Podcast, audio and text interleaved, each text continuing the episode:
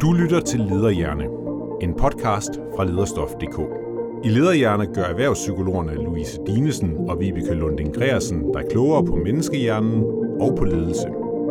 Tag med dem ind i hjerneforskningens verden, men også ud i det konkrete psykologiske arbejde hos ledere og deres medarbejdere.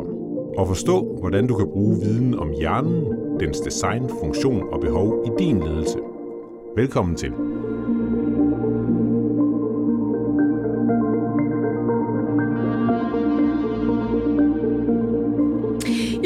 Nu er vi her jo igen. Vi er jo klar til at øh, bruge lidt tid på at tale om øh, vores fælles arbejdsliv og det, som optager øh, os i forhold til arbejde med ledere og ledelse. Vi fortsætter lidt med at tale om psykologisk tryghed. Ja, i dag. Ja. Jeg kunne godt tænke mig at starte med at fortælle dig noget, noget man kunne vel godt sige noget sådan lidt skræmmende eller overraskende så kan jeg sætte mig, jeg kan læne mig lidt tilbage med kaffen nu. ja. ja. Ej, det tager ikke så lang tid. Øh, men du ved godt, at 8 ud af 10 ledere siger til os, at deres medarbejdere kommer til dem.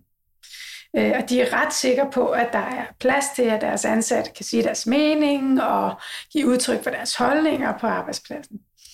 Øh, og ja, vi kan også høre ledere, som, som sådan siger, jeg har en ret god fornemmelse af, hvad, hvad medarbejderne mener er optaget af her. Det hører vi faktisk ofte. Ja. Jeg har sådan en rimelig god fornemmelse for, hvad der sker her i organisationen. Ja. Eller jeg tror faktisk godt, medarbejderne tør komme til os. Det er rigtigt. Mm. Det hører jeg også ofte. Og det kan jo også godt være, at Danmark er et land, hvor der er sådan øh, nogle helt særlige forhold. Men jeg synes alligevel, at det var lidt interessant, da jeg faldt over sådan et, et globalt McKinsey-studie fra, fra i år, faktisk 2021. Som et forskningsstudie? Ja, en survey, de har lavet, ikke? Øh, som viser, at 70 procent af medarbejderne ikke ser nogen grund til at sige det, hvis de ser, at der er noget galt på arbejdspladsen, eller hvis de har en idé, der kunne komme virksomheden til gavn. 70 procent. Det er mange. Det er rigtig mange. Og det får mig til at tænke på, at der også lige nu er kommet en survey fra Bubel, altså pædagogernes okay. fagforening, som viser, at over halvdelen af danske pædagoger, altså dem, der har den vigtige, vigtige opgave med at passe på vores børn, de, øh, de er bange for at ytre sig om forhold på deres arbejdsplads, fordi de er bange for sanktioner. Så hvis jeg sidder derude som leder og tænker, jeg har sgu meget godt styr på, øh, hvordan mine medarbejdere har det, og hvad de egentlig går og tænker om det hele. Hvad skal jeg så sige til mig selv? Så skal du overveje, om det rent faktisk forholder sig sådan. Og i dag, så skal vi jo tale om øh, uh, psykologisk tryghed også som et værn mod kriser. Hvis ikke du har hørt vores sidste afsnit, så kan det være en rigtig god idé lige at gå tilbage, fordi det er faktisk der, hvor vi lige definerer, hvad psykologisk tryghed er. Vi fortæller lidt om den nyeste forskning inden for psykologisk tryghed, og øh, forklare, hvordan psykologisk tryghed faktisk også er et performance-parameter. Øh, og hvordan man kan opbygge det? Ja, lige præcis. Øh, I dag skal vi tale lidt mere om psykologisk tryghed i forhold til kriser. Og Louise, når vi undersøger øh, kriser, kunne du så ikke starte med lige at fortælle os lidt om, hvad er det, der øh, kendetegner en krise? Og hvordan kan vi egentlig sige, at psykologisk tryghed kan være et værn mod kriser? Jamen, kriser kan jo opstå i organisationer. Det kan være udefra kommende, og det kan være de her snigende kriser, der kommer indefra. Øh, de her langsomt voksende kriser inde i organisationen. Svig, magtmisbrug, øh, krænkelser for eksempel. Og det der jo er med kriser, det er, at det er karakteriseres ved, at det er noget overraskende. Der sker simpelthen noget overraskende. Så vi har meget kort forberedelsestid, typisk. Øh, både i ledelse, men også i hele organisationen, har vi kort øh, reaktionstid, før vi ligesom skal ud og gøre noget. Overraskelsen er helt central. Det andet, der er centralt i kriser, det er, at det er en trussel, der, altså det er en trussel, der rammer. Øh, så det kan være en trussel, der er rettet mod vores kerneforretning, vores produkter. Øh, det kan også være en trussel, trussel der er, sådan er rettet mod øh, liv og mental velvære men det kan også være en trussel, der rammer vores omdømme, altså som vi typisk ser i pressesager.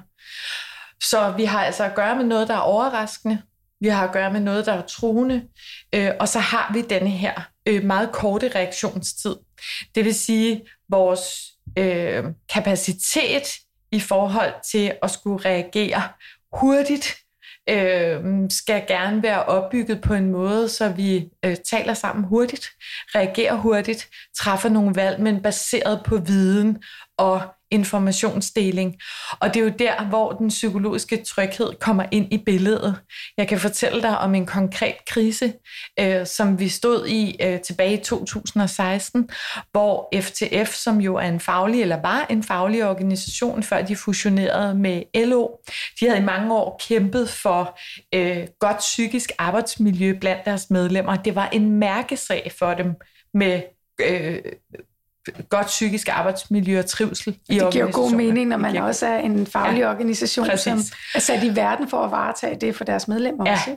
Og i løbet af øh, få døgn, så var de lagt ned af pressesager, øh, som, øh, som af, øh, skildrede en kultur, som var præget af mobning, krænkelser og problemer i det psykiske arbejdsmiljø. Så de havde altså et legitimitetsproblem, øh, som handlede om deres eget dårlige øh, psykiske arbejdsmiljø. Og øh, grunden til, at jeg fortæller det her, det er, fordi det kom nemlig overraskende. Øh, det var en kæmpe overraskelse, da det her det ramte øh, de store øh, mediehuse. Øh, de havde meget kort tid til at reagere, fordi de skulle jo ud og komme med et svar på, hvad pokker er det, øh, der sker. Og øh, denne her, det her behov for netop hastigt at kunne dele viden i organisationen for så at komme med et svar på øh, den her problematik, var afgørende. Og hvis vi nu skulle koble psykologisk tryghed på øh, forståelsen af, hvorfor det er, at lige netop psykologisk tryghed kan være et værn mod kriser. Kunne vi så måske tage en tur ind sådan i forskningslaboratoriet igen og kigge lidt på noget af den forskning, som, øh, som kan forklare, hvad det er, psykologisk tryghed øh, bidrager med, som rent faktisk øh, muliggør og giver os meget flere handle, muligheder, også ja. i en krisesituation. Men det er, jo, det er jo et super godt eksempel, øh, Louise, fordi det, som du beskriver her, eller det, der sker, når vi er i krise, øh, det er jo, og det kan vi ikke undgå, det er jo, at vores trusselsystem, hjernens trusselsystem, bliver aktiveret. Og hvis ikke vi har øh, trygheden, på arbejdspladsen til at berolige den, så vi rent faktisk kan få adgang til vores... Strategiske tænkning. Ja, altså vores nye hjerne, ja. altså vores intelligens, så vi kan problemløse, finde øh, handlemuligheder ind i det her. Hvis truslen bliver for stort, også internt i organisationen, så er det jo, at vi ikke siger noget, at så vi ikke kamp, byder ind. Ja, kamp, flugt eller stivner vi, ikke? Frys. Jo, lige præcis. Ja. Det er der, hvor vi måske underkaster os, trækker os, tiger stille, ikke byder ind, fordi truslen bliver så stor. Og vi kan ikke undgå trusselsaktiveringen i kriser, men hvis vi har beskyttende faktorer, ja. så kan det gøre, at vi kan handle på trods af truslen i kriser. Og øh, jeg tænkte, Louise, måske vi skulle øh, tage sådan en tur lidt ind i forskningen og se på, hvad er det, forskningen fortæller os, at psykologisk tryghed øh, bidrager til jo, og så skal vi øh, til Howard, og vi skal øh, kigge ind i forskeren Anita Woolis, hendes intelligensstudier. Øh, hun har undersøgt den kollektive øh, intelligens, og hendes forskning blev udgivet i et amerikansk tidsskrift i Science i 2010. Og studiet var en undersøgelse af kollektiv intelligens og performance i teams. Så det er altså stadigvæk noget med performance og det at præstere. Og hun havde sammen med sine kollegaer, den her forsker, undersøgt øh, rigtig, rigtig mange grupper, 699 grupper faktisk, og sat dem sammen og bedt dem om at løse forskellige typer af opgaver. Og det forskerne her fandt ud af, det var, at uanset hvor forskellige artede opgaver man stillede de her forskellige grupper, så var det de samme grupper, der klarede sig bedst. Altså de blev sat under pres, og det var de samme grupper, der klarede sig bedst.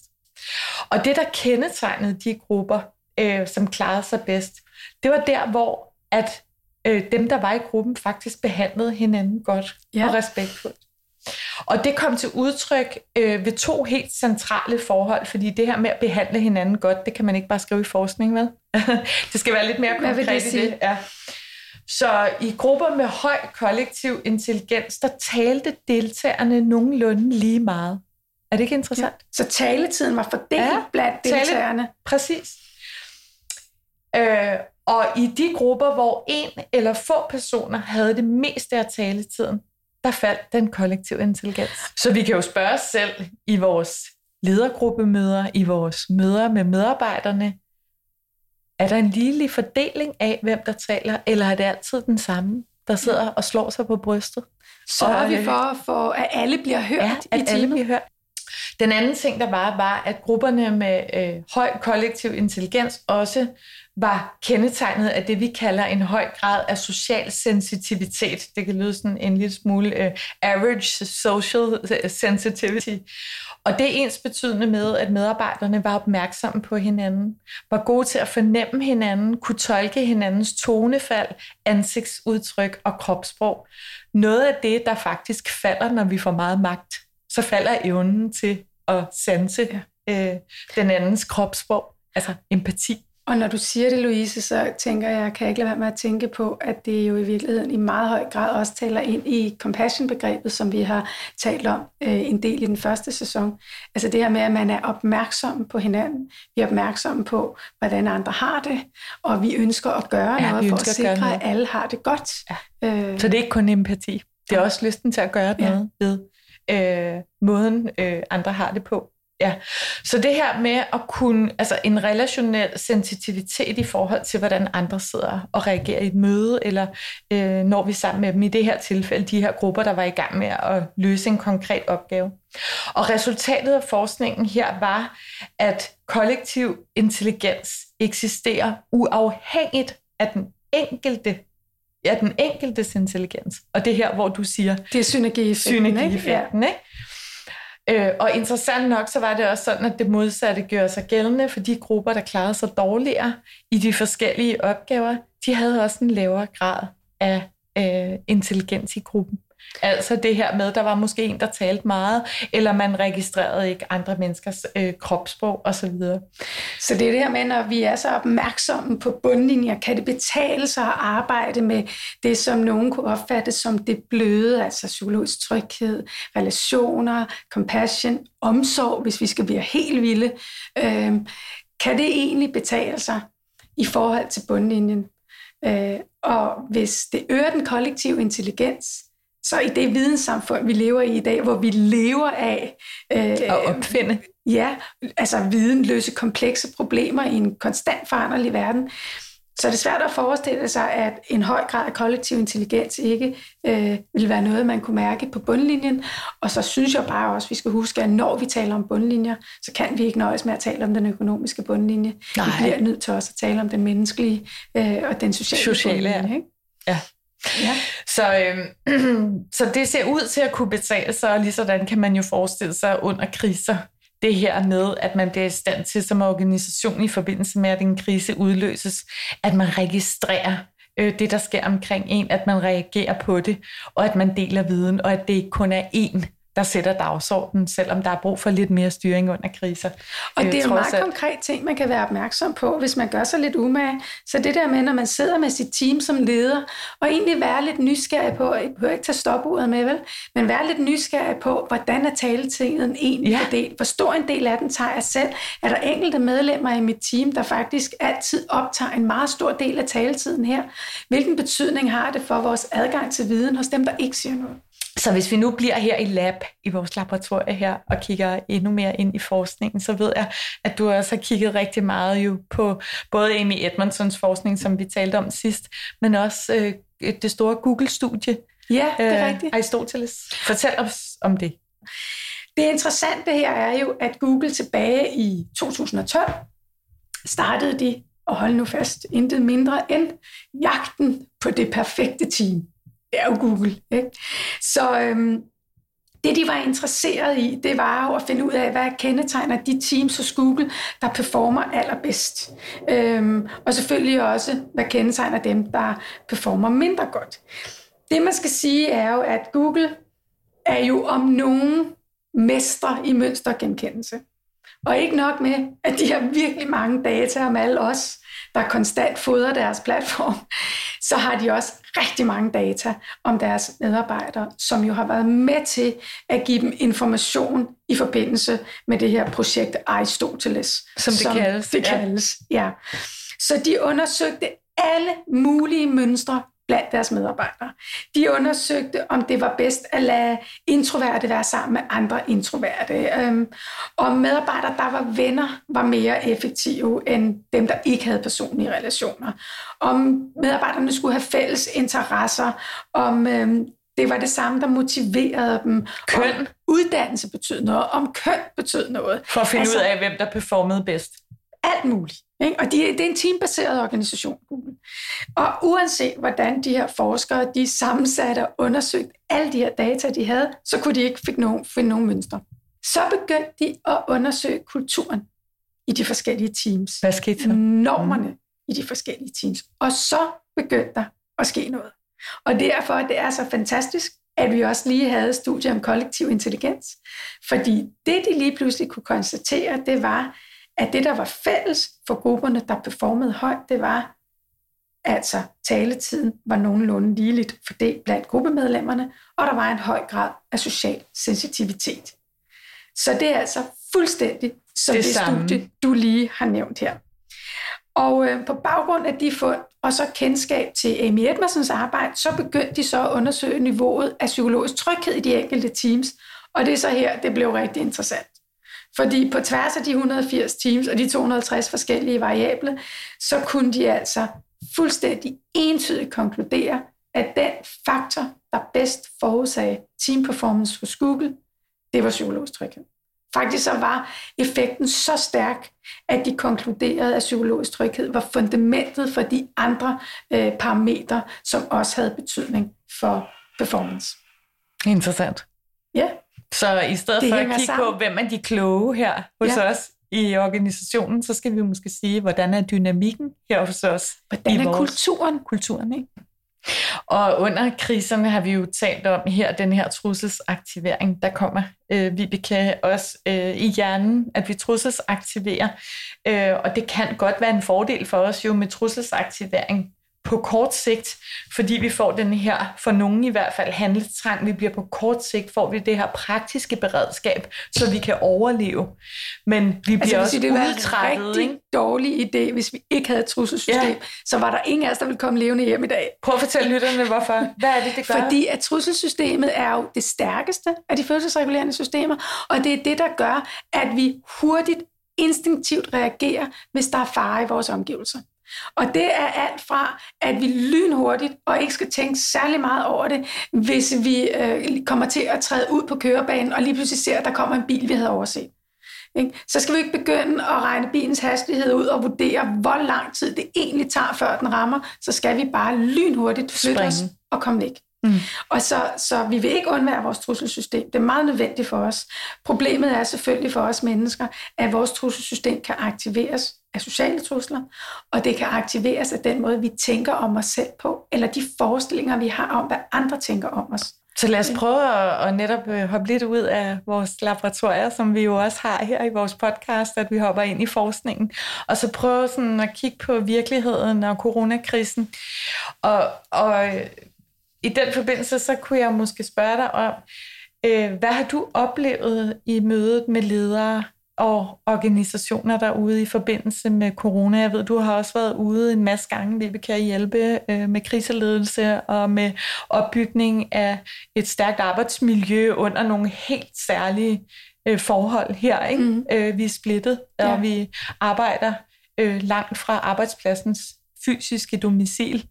Vi havde jo under hele krisen nærmest en, en hotline, øh, hvor ledere og HR kunne ringe ind øh, og få hjælp og vejledning undervejs. Så vi nåede at tale med rigtig, rigtig mange ledere, øh, og havde jo også opgaver ude i forskellige øh, organisationer under krisen. Og noget af det, synes jeg, der er særligt kendetegnet nogle af de virksomheder, der, øh, der klarer sig øh, rigtig godt, det var der, hvor øh, der var stærke fællesskaber, og hvor både ledere og medarbejdere gjorde noget for at bevare fællesskabet øh, under krisen. Hvad gjorde de?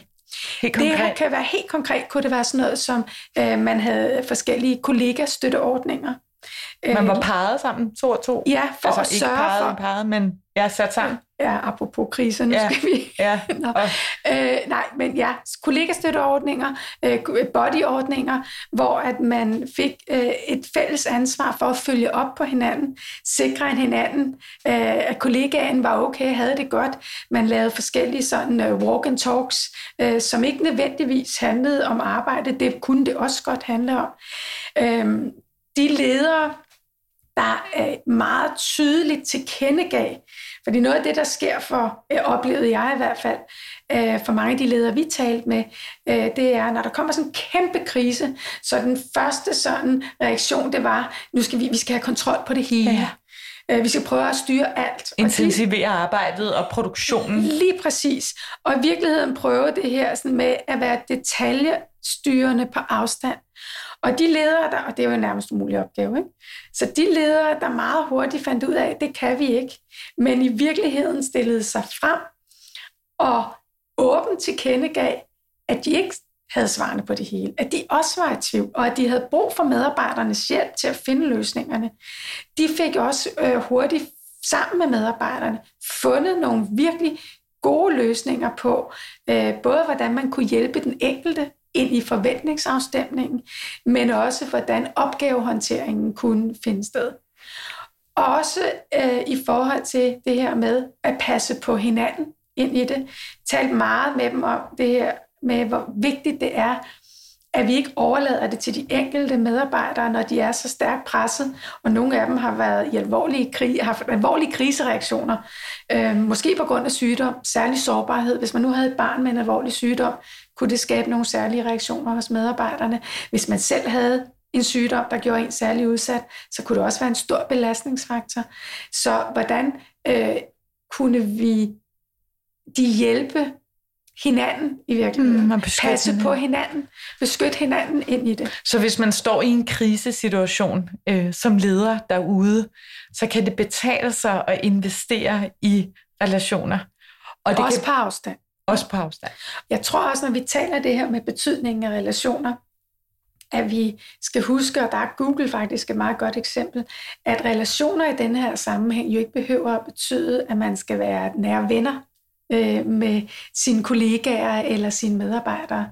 Øh, relationer i denne her sammenhæng, og de her fællesskaber handlede jo om, at der var et arbejdsmiljø, hvor det var naturligt at have omsorg for hinanden, mm. at have hinandens trivsel på sinde, øh, og derfor tage et ansvar for fællesskabet. Mm. Også i en krisesituation, hvor vi jo ellers øh, kan være tilbøjelige til som mennesker øh, at rykke os sammen med dem, der er nærmest på os, Mm. altså vores egen flok.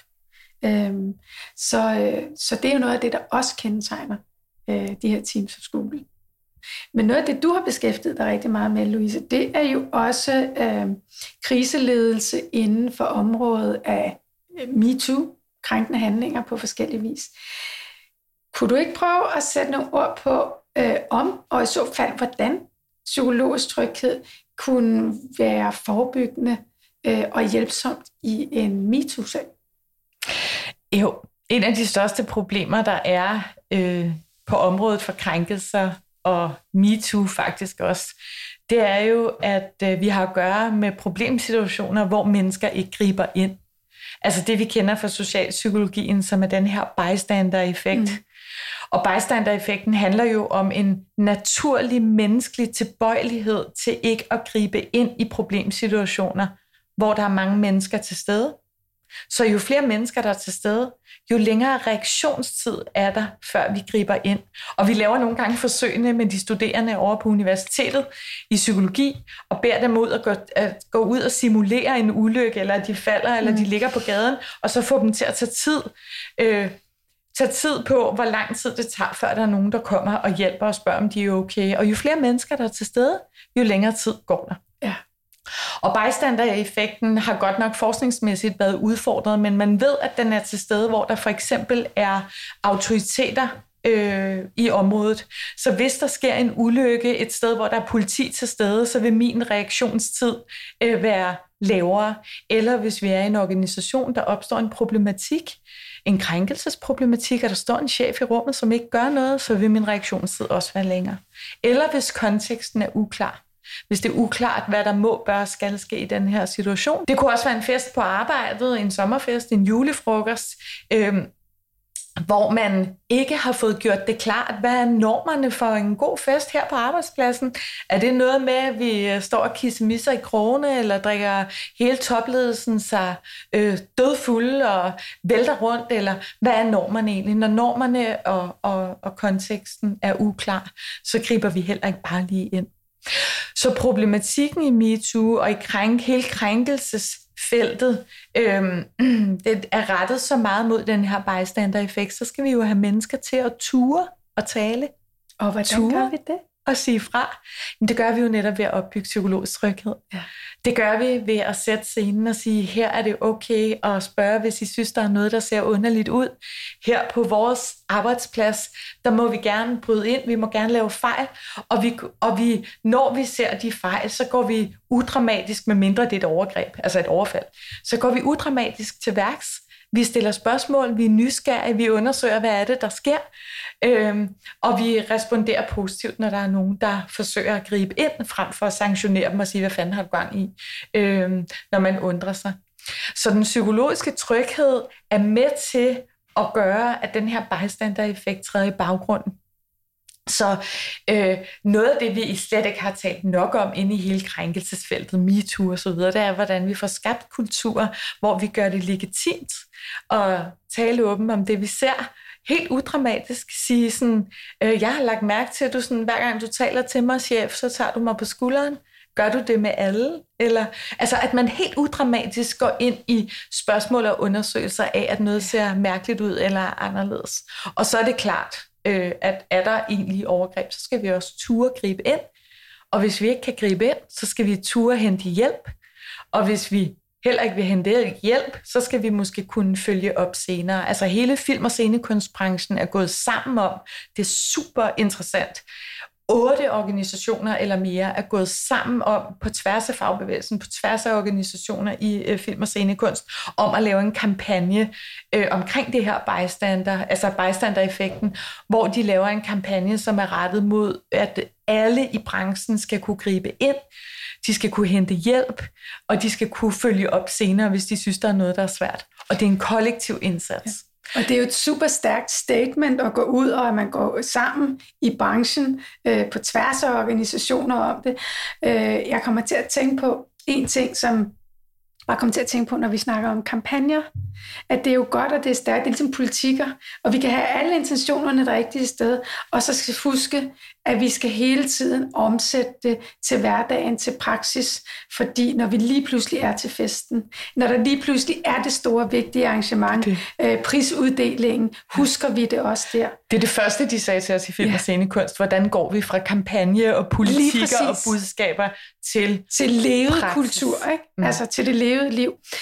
Louise, hvad gør man, øh, hvis man sidder som leder og har en god, stærk, øh, værdibåret politik i forhold til det, ja. ja, og i forhold til forebyggelse af krænkelser for eksempel.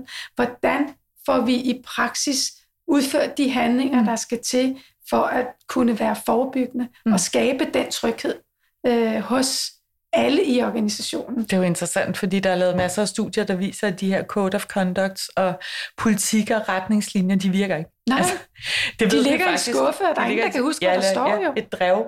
Ja. Intranettet. Intranettet, ja. ja.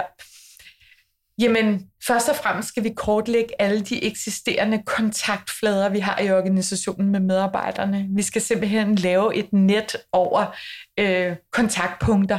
Det vil sige, lige fra man bliver ansat, når man bliver ansat, så får man i tale sat politikken der.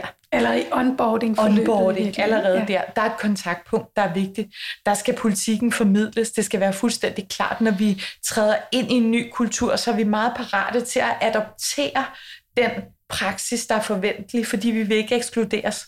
Så hvor vi husker bedre, når vi træder ind i en ny kultur. Så det at få politikker, øh, de her code of conduct, og hvad vi ellers har, få det øh, nævnt i talesat og diskuteret upfront. Og her kunne det også være, at man stiller nye medarbejdere. Det ved jeg, at nogle organisationer gør. Er du sød lige at kigge på vores trivselspolitik og se, om der er noget, du synes mangler i forhold til de organisationer, du kommer fra? Du har været tidligere. Har du nogen input til dem? Så vi inviterer til deltagelse og input, Præcis. ligesom Amy Edmondson Præcis. påpeger. Vi inviterer ja. til deltagelse, vi beder om perspektiver, vi stiller den anden et kompetent sted. Læring er allerede i gang. Vi kan næsten se det for os. Ikke? Man har lyst til at lære i den situation, og man har lyst til at sætte sig ind i det, og man vil også gerne komme med noget kvalificeret. Derudover så er der jo selvfølgelig de ansvarlige, Ja, det kan jo ikke nytte noget, at vores øh, ledere i organisationen ikke kan, kan gå ud og implementere i praksis, når vi har nogle politikker. Så det skal trænes og øves, og man skal have viden om det bagvedliggende i en politik. Det kunne være arbejdsmiljøloven. Øh, det kunne også være viden om magt. Viden om magt. Underkastelse, noget af det, vi også har hjernen. talt om, hvor vigtigt det er, hjernen yes. i det hele taget. Ikke? Så der kan man integrere noget. Så det her med at arbejde på forskellige niveauer i organisationen, altså ikke kun den enkelte, når man ankommer, men også lederniveauet skal medtænkes. At man får trænet, diskuteret, udfordret politikerne på ledelsesniveau, og også spurgt lederne om, hvor i jeres afdeling er der kontaktpunkter, knudepunkter med medarbejderne, hvor I kan tage politikken op. Er det op til festen? Er det, når I skal ud på et 12-12 seminar, hvor der kan være flydende grænser? Øh, er det i de her gråzone situationer, øh, store projekter, man sætter i gang? Skal man lige repetere hver gang, man går i gang med et projekt? Skal man så lige repetere? Det er jo noget af det, vi gør på film og scenekunst, det er nye produktioner, nye mennesker sammen. Det er jo freelance medarbejdere, nye, der kommer ind. At man tænker som leder, jeg sætter lige scenen og tager de her politikker op og får dem diskuteret, og ikke bare fortalt eller læst. Vi skal gøre det naturligt, at det her det er ikke noget, der bare ligger og samler støv i skuffen.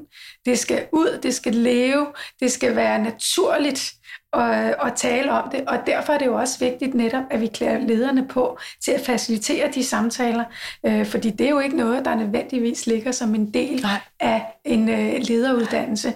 Og det er jo samtaler, der kan være vanskelige. Det går tæt på. Vores grænser er forskellige. Vi skal rumme meget forskellighed ind i de rum. Godt. Så det var lidt om det konkrete i forhold til fra papir til praksis. Så hvad tager du med fra dagens supervisionsrum her, vi har haft sammen? Jeg tænker i hvert fald, at noget af det, som øh, både øh, jeg, vi og lytterne skal tage med fra i dag, det er jo, at hvis man skulle være i tvivl, så husk, at øh, det betaler sig at arbejde med relationer, sunde relationer, og psykologisk tryghed er et udtryk for en kultur, hvor der er sunde relationer på en arbejdsplads. Det betaler sig både på den økonomiske, den sociale og den menneskelige øh, bundlinje. Kollektiv intelligens er i princippet øh, helt uafhængigt af, hvem der er i dit team. Ah, måske ikke helt vel, men det vigtigste for den kollektive intelligens, det er faktisk, hvordan vi har det sammen. Øh, og som leder er det vigtigt også øh, at kunne tage ansvar for at øh, udvikle den kultur, øh, der både sikrer øh, værdighed, øh, sunde relationer. Men jeg tænker, det vigtige er som leder jo også at klæde sig på til at håndtere kriser. Øh, og for at være opmærksom på betydningen af psykologisk tryghed, også når vi står i kriser, uanset om det er kriser, der kommer udefra eller kommer indenfra. Så den psykologiske krisepåklædning er det sidste ord, der bliver sagt for i dag. Tak, Vibeke. Tak, En god samtale. Og tak, fordi I lyttede med.